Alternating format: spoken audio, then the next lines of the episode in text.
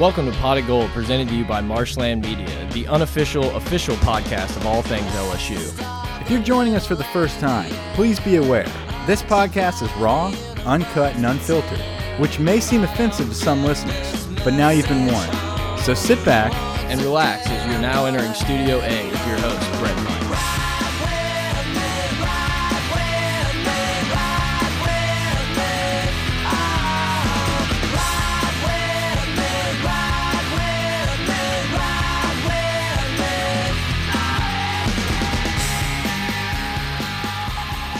Pot of Gold, welcome back. I'm Brett. I'm here with Mike. We're going to do our normal Georgia pregame pod, talk a lot about keys to the game, and break down how we think LSU can fare against the juggernaut that is Georgia. Uh, Mike, I'm just going to flip it right to you. You're going to the game. You're going to be in attendance. You're going to tailgate, do all the fun stuff. Are you ready?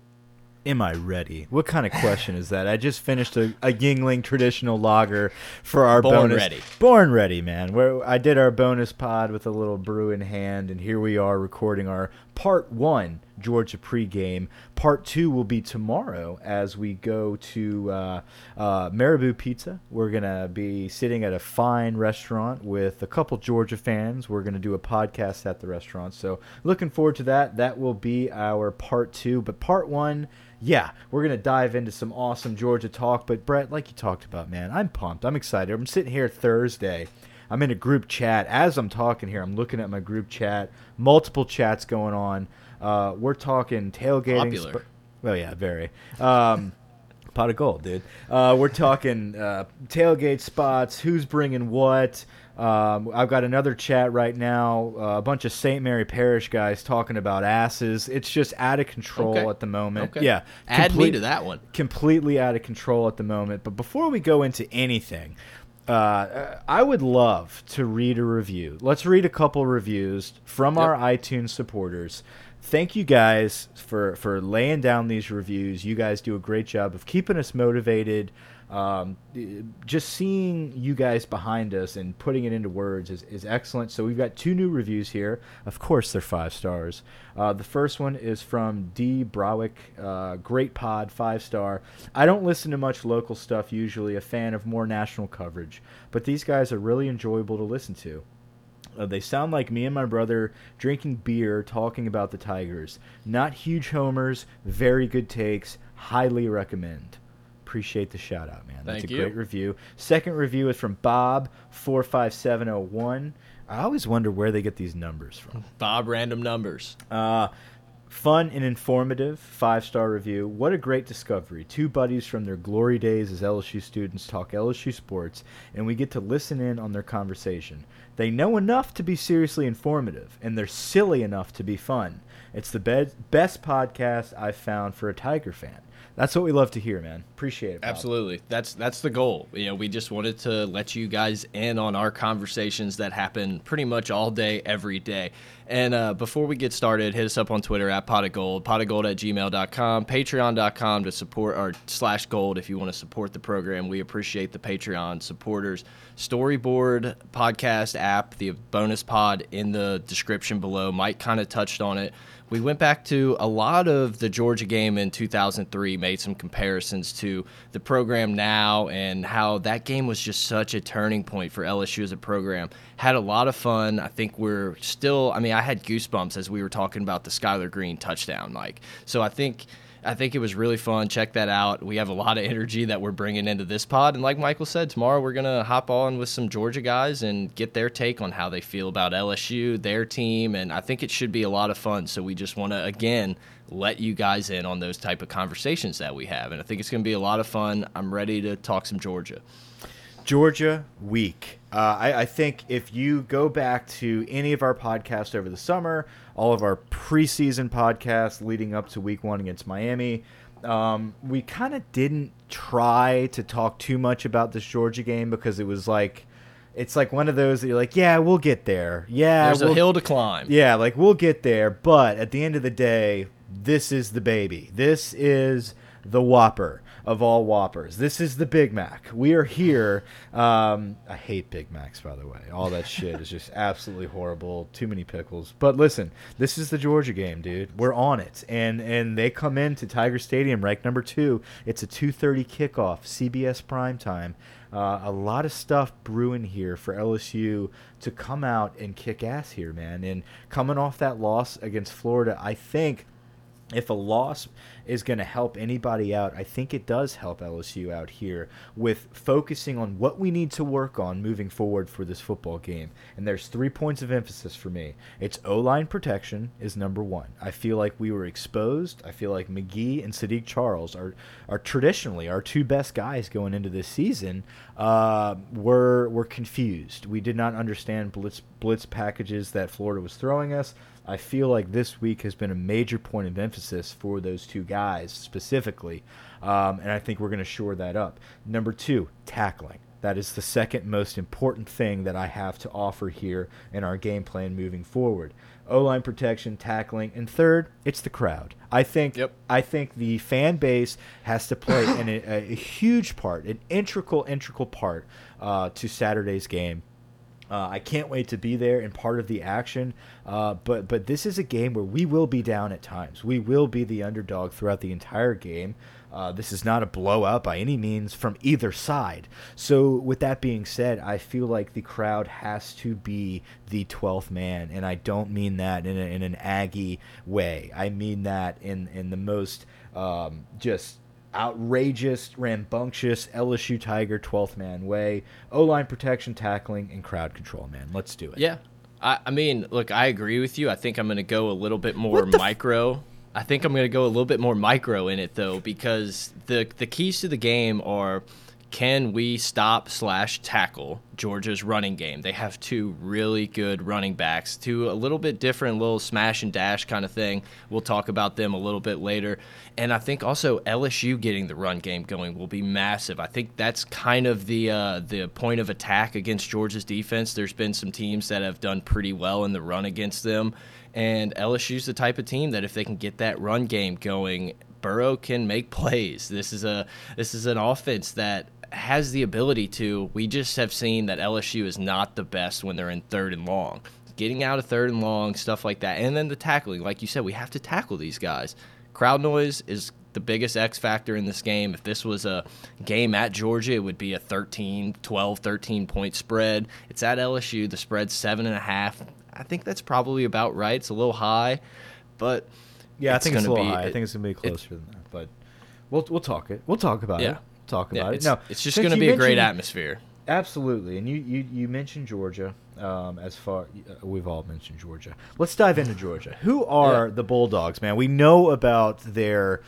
It is very well documented the Kirby Smart turnaround that he did for this Georgia Bulldog team, especially year two, taking them to the national championship.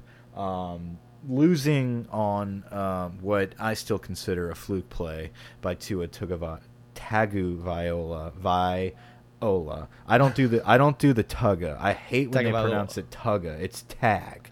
Um, Tua Tagovailoa touchdown pass to DeVonta Smith. Uh, if it wasn't for that, Georgia wins a national championship. Yeah. I mean, this well, is you, and you hop back to the game before that, they were kind of put on their heels by Baker Mayfield and Oklahoma, and they battled back in that game. And you, you know, this is a team that has played in hostile environments. They went into Notre Dame last year. They went, uh, you know, obviously the playoff games are neutral site, but this team has been play has played in big games, and it'll be interesting to see if there's a little bit of that rattled from the crowd early. I, I'm just, I, I can't wait to watch this game. I think. Go ahead. Well, no, what I was going to say is we, we, we're bringing up last year for a reason, and that yeah. is because this is not the same Georgia team as last year. As good as this Georgia team is, this is not 2017 Georgia Bulldogs. Right. Uh, I think Chubb and I think Sony Michel are two extremely, extremely important pieces from last year's team that was able to bail out a young – unproven true freshman in Jake Fromm. Jake has turned a corner. He has gotten better. He still is a great quarterback, but uh, Holyfield and Swift are, are, excellent running backs. It is not a Chubb and Sony Michel. And the defense, the defense, um, I think that is the biggest the biggest point to this whole episode, the biggest point to where we're going to capitalize on their weakness and where they are not like last year, it's not just those two running backs, it's their defense. These guys give up running plays. And where last year they were not getting gashed like this, they were very strong up front. Uh, this year, they have to be a little more creative with their blitzes. They have to disguise their fronts. They don't just stay in the traditional 3 4 that they start off most games. They shift into a four man front at times. They bring different packages. Uh, they have to do a little more because the personnel is not as great as last season. Uh, I think it's a weakness. I think they are beatable. I, I, think watching the first few games of this season, paying attention to Georgia, where you're you, basically you, as an LSU fan, you came into the season, you're paying attention to both the two big dogs, right? Georgia yep. and Alabama, and you watch both of their games. Anytime they're on, you're watching those games. Uh, it, it, became very obvious that uh, uh, Georgia is the more beatable team here uh, compared to Alabama. Uh, Alabama is a team that's a complete juggernaut, where Georgia looks like what you talked about, Brett. It's Alabama and everybody else. Georgia might have a little bit of an edge when it comes to depth and experience playing on a national scene, uh, but they're beatable. Yeah, I think they. I mean, I think they are beatable. And this defense, while it's actually a good defense has some statistics that kind of back it up. Uh, 170 pass yards a game allowed and 113 rushing yards, I think it was.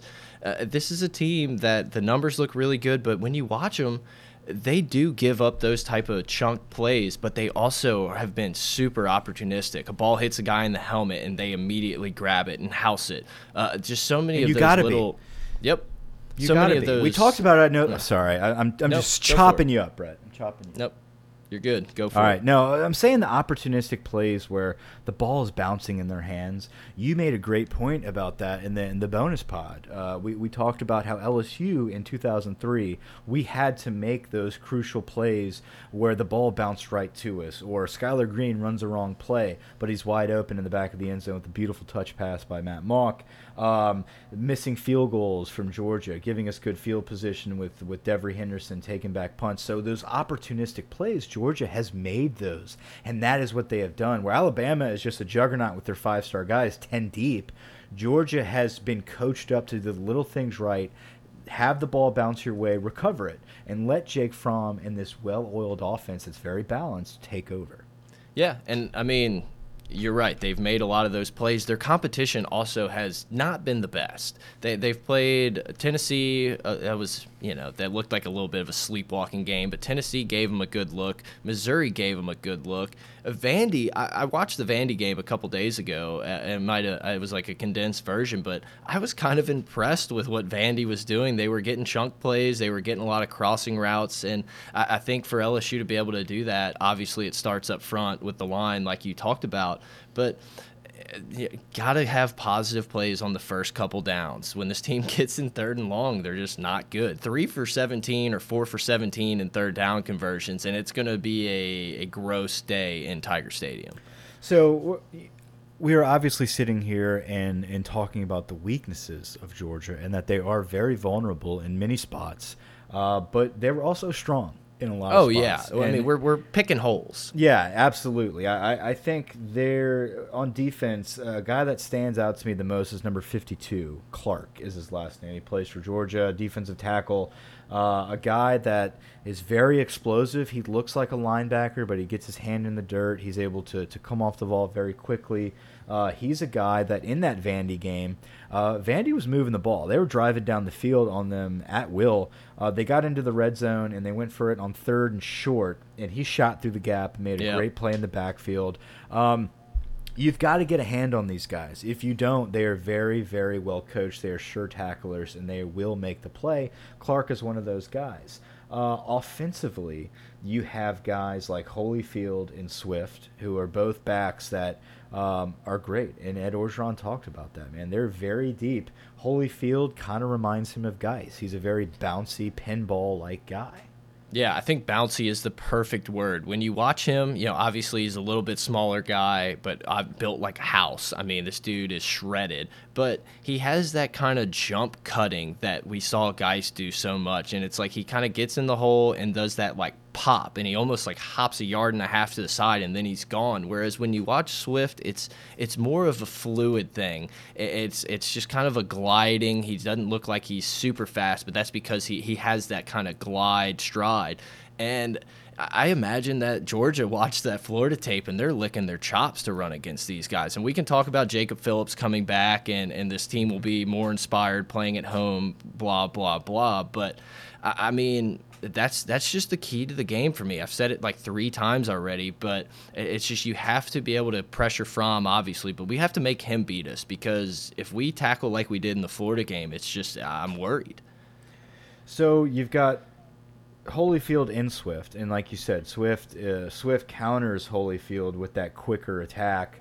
Um, so the, the, running game is not as dominant as they were last season, uh, but they still have a guy named Jake Fromm, and if there is not a bigger Jake Fromm fanboy in the world, yeah. it's that does not a Georgia fan. It's probably me.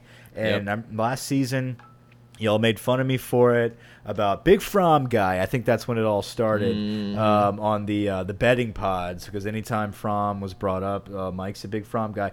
If I could pick one quarterback out of the SEC that I could take for my own, it'd be Jake Fromm. And I get it. Tua is incredible, and he's and he's having great success at, at Alabama.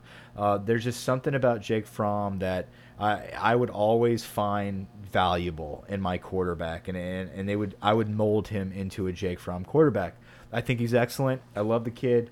Um. I think he's perfect. I think he's perfect for their system for because yeah. they run. Uh, you know, their their system is almost kind of what you always wanted LSU's to be. It has that power. You know, under center, we're going to run the ball. We're going to motion tight ends, hit them in the flats, and then we're going to take our shots deep. And I think he's a really good quarterback for that. Well, he's a good quarterback, but I think it makes him better that he is in that system. And uh, you know, like I said, it's one of those that I kind of always wish that we ran that similar type of system. Yeah, they are very balanced. I think they are a type of system that Ed wishes we could be. I just don't think we're quite there yet. Um, they run a very balanced system where they can get in the eye if they have to. They can stay in the shotgun, get in the pistol, spread it out. They've got dudes at, at, on the perimeter. I mean, Nicole Nicole Hardman. I call him Nicole. Uh, Nicole Hardman is just an incredible playmaker.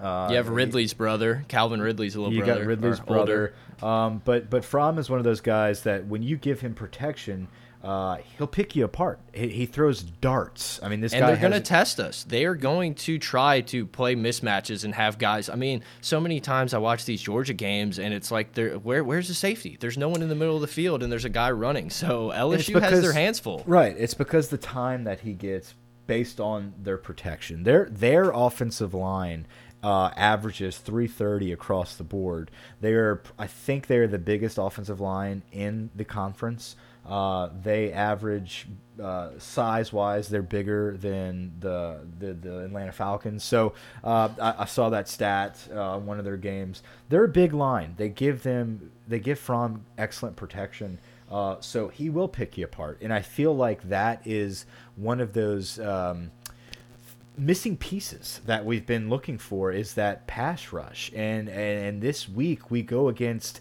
probably the best O line that we've gone against all year to this point, and we've got to make something happen. So we'll get into LSU in a minute, but but to stick with with uh, Georgia and what they're good at, it's from it's this offensive line and it's a balanced attack uh, mm -hmm. on mm-hmm. offense. Defensively, they're vulnerable, but make no mistake, they're opportunistic. These guys make plays when they have to make plays. This is a great, great Georgia team uh, that we're about to face. Well, and just another example of how things just have always turned up Georgia this year. Uh, in the Tennessee game early on, Fromm kind of gets strip sacked, and it falls right into the Georgia player's hand, and he runs it 30 yards for a touchdown. It's like uh, we have to, LSU, in my opinion, has to have not necessarily that type of break, but I think the breaks have to fall in their favor. A, a big special teams play, a, a, nice costly turnover for Georgia that we we cause. There, we have to do things like that because I honestly don't believe hat on hat, good versus good, like their best versus our best. I I think they're better.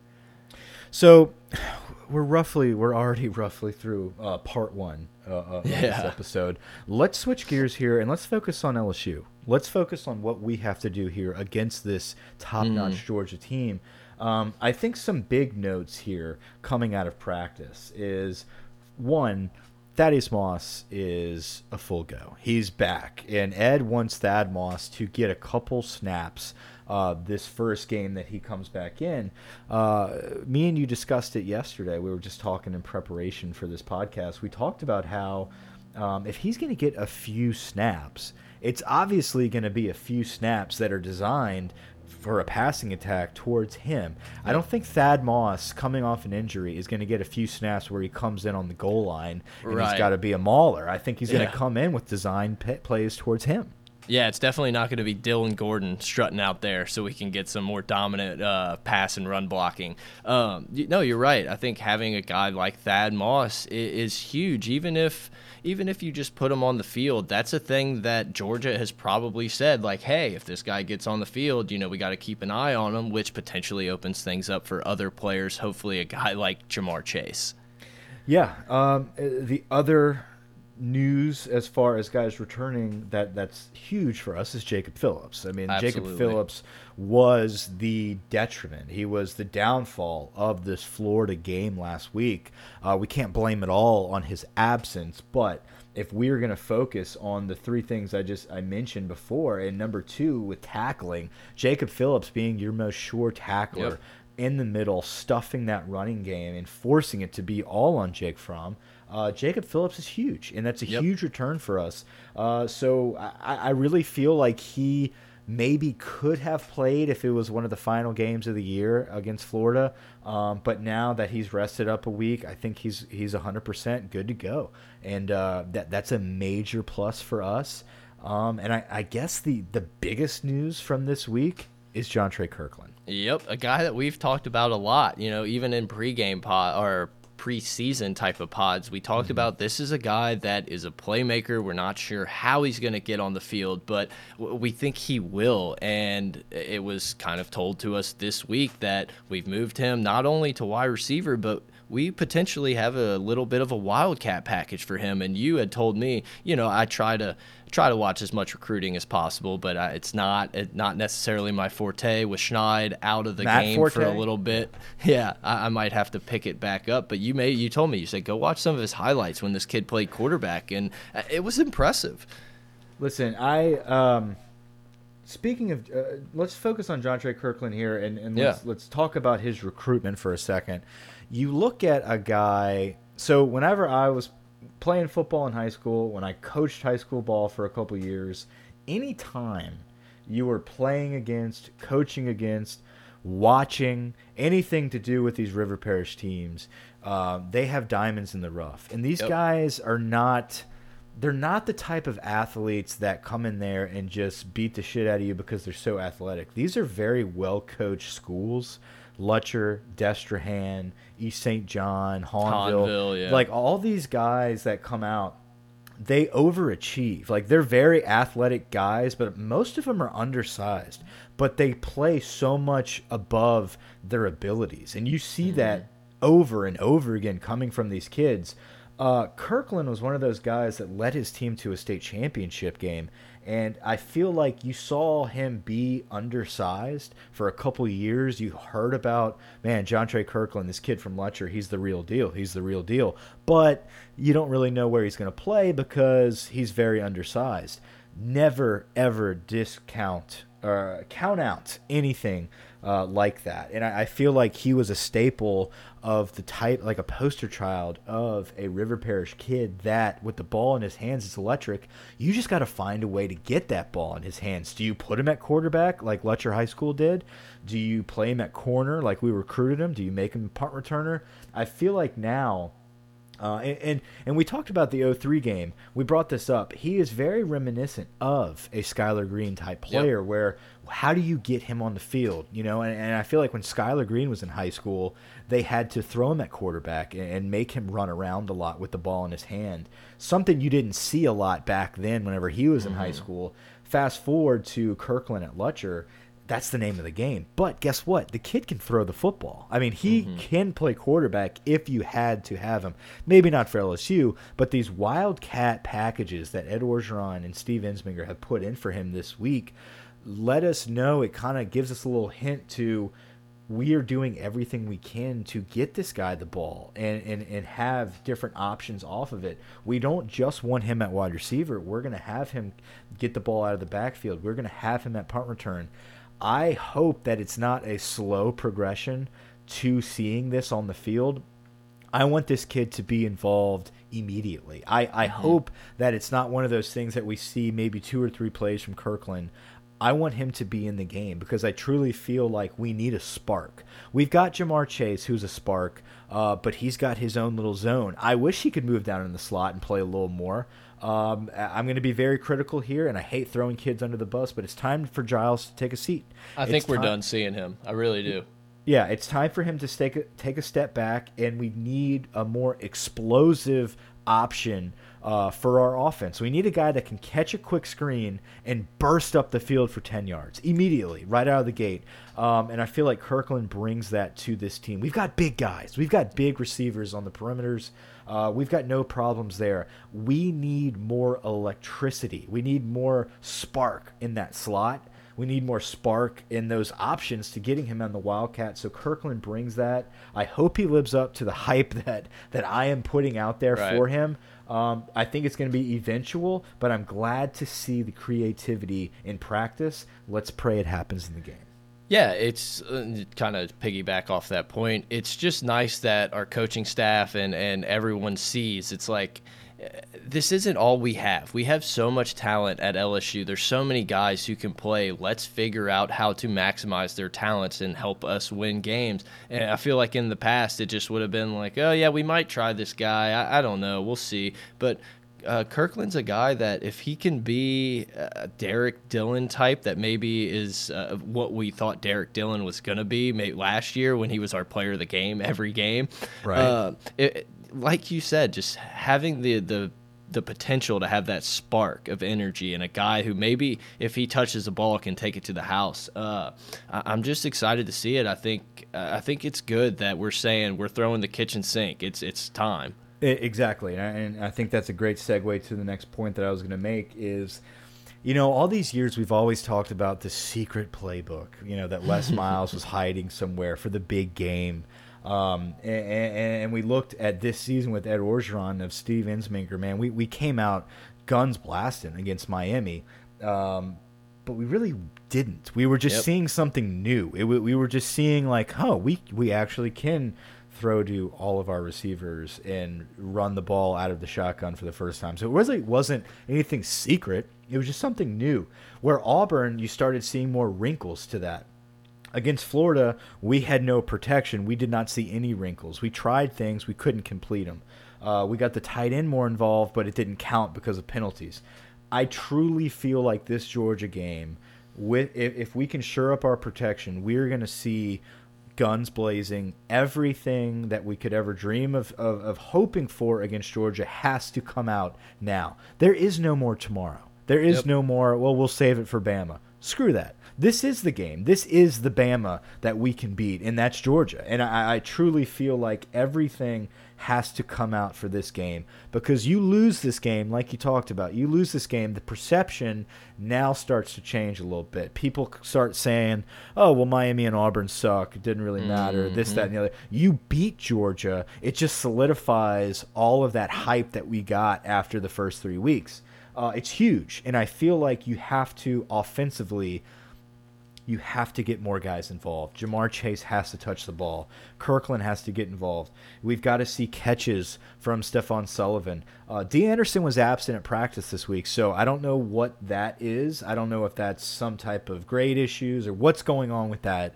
Uh, but uh, I, I, haven't heard anything about him being out of the game. Those are our big playmakers that have to catch the ball. Thad Moss, if you get him in that game and you've got some third and short options, dump the ball off to a great pass catching tight end from North Carolina State, transferred in, Randy Moss's son, all the hype in the world. Let's make some plays. Yeah, no, like I completely agree. And one of the things I wish we would have done more in the Florida game and really any game that I hope I see here, I, want to see LSU in the no huddle. I feel like a broken record, but I, I, really think our offense is better when Burrow's kind of in control. We're hustling to the line, trying to get something. But but look, you're right about this game. I think we probably said it about the Miami game, how it's probably the biggest game for Ed Orgeron. But now that that one's passed, I honestly think that this game is going to be the deciding it's that fork in the road where it's like same old LSU we got the wrong guy Ensminger doesn't know what he's doing or if we come out and play really well this could really catapult this team.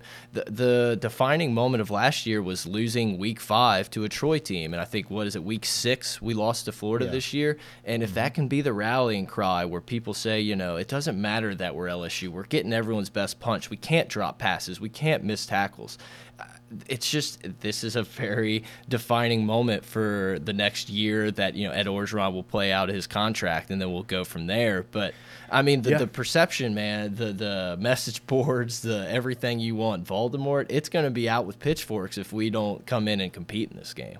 We have to compete, and and I think that was a great point that you made.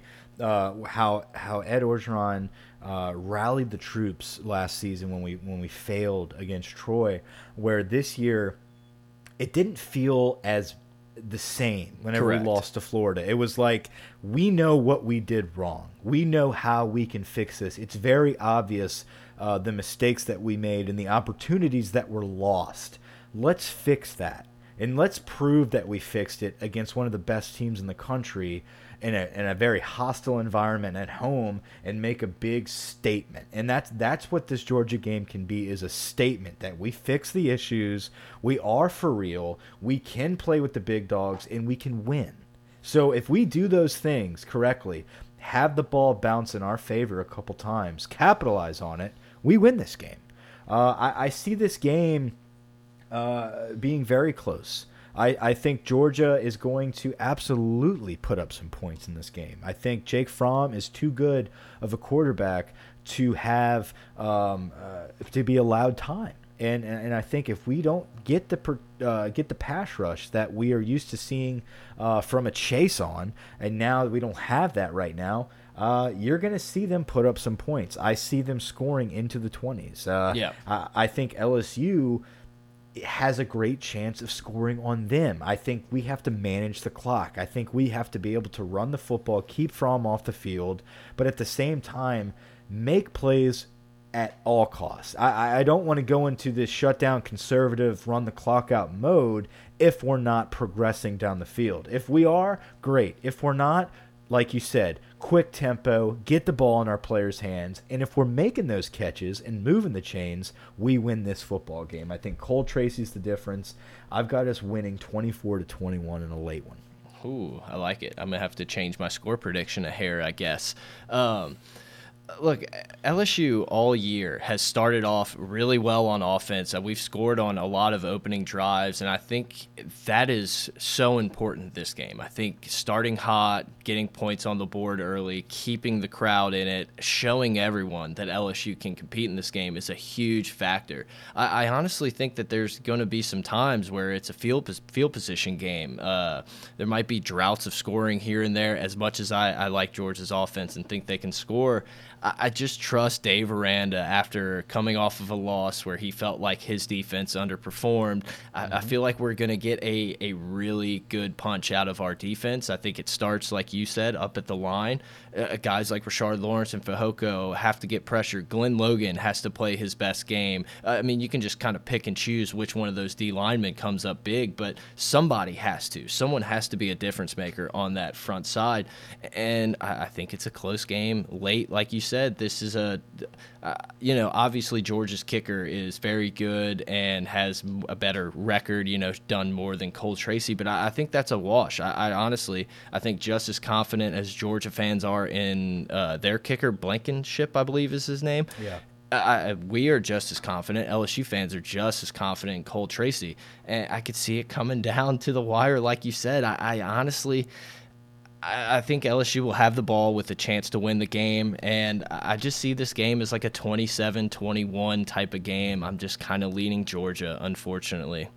Ooh, Brett. Yeah, I, I think LSU's going to have the ball with a chance to win the game. I really do, and I, I hope I'm wrong, and I, I hope we have another. Can you imagine Ja'Marr Chase or Terrace Marshall going up and mossing some dude in the end zone with 40 seconds left to just Yeah. say we're here? I mean, wait. nothing I'd want more than that.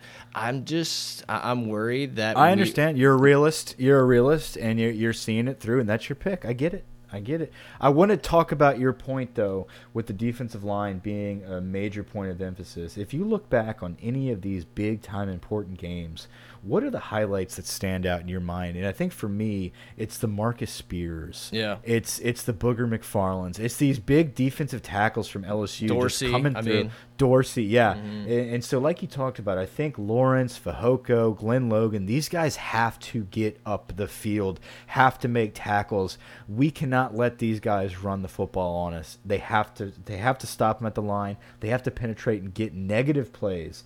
Uh, so that's a good point. I was going to go greedy as being my guy to shut down Fromm and man coverage there. Um, but I'm kind of leaning towards the D line, like you just talked about. But offensively, for my my MVP, I'm definitely going Cole Tracy. I think he's clutch here.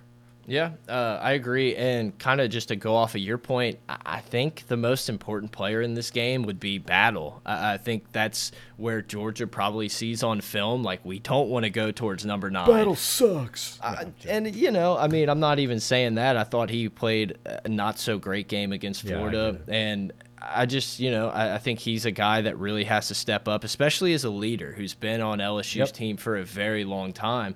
And, and you know, guys like uh, Andre Anthony or Ray Thornton, somebody that position has to step up. I mean, we we talk I think about you're going to see Travez. Moore a little, a little Good. Uh, I don't want to say more, more, uh, but Tre Travez Moore will be in there more often. Um, and, and I think that is something that Ed Orgeron. I don't know if there's a disagreement there.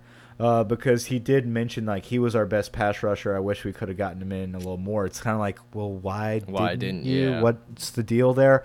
Um, so I think we're gonna see him take a stand and put him in more uh, because Moore was getting to the quarterback a lot more. Oh, so Ed's meddling with the defense now, Mike. Huh? here we go. Here we Here go we go. um, now, guys. Uh, so look, I mean, uh, you want to wrap up part one here and Yeah, stay tuned absolutely. for part two. Yep. Okay, Um, guys. So listen, uh, we really, really appreciate you guys joining us for this part one segment. We've got plenty more to discuss with with Georgia coming to town.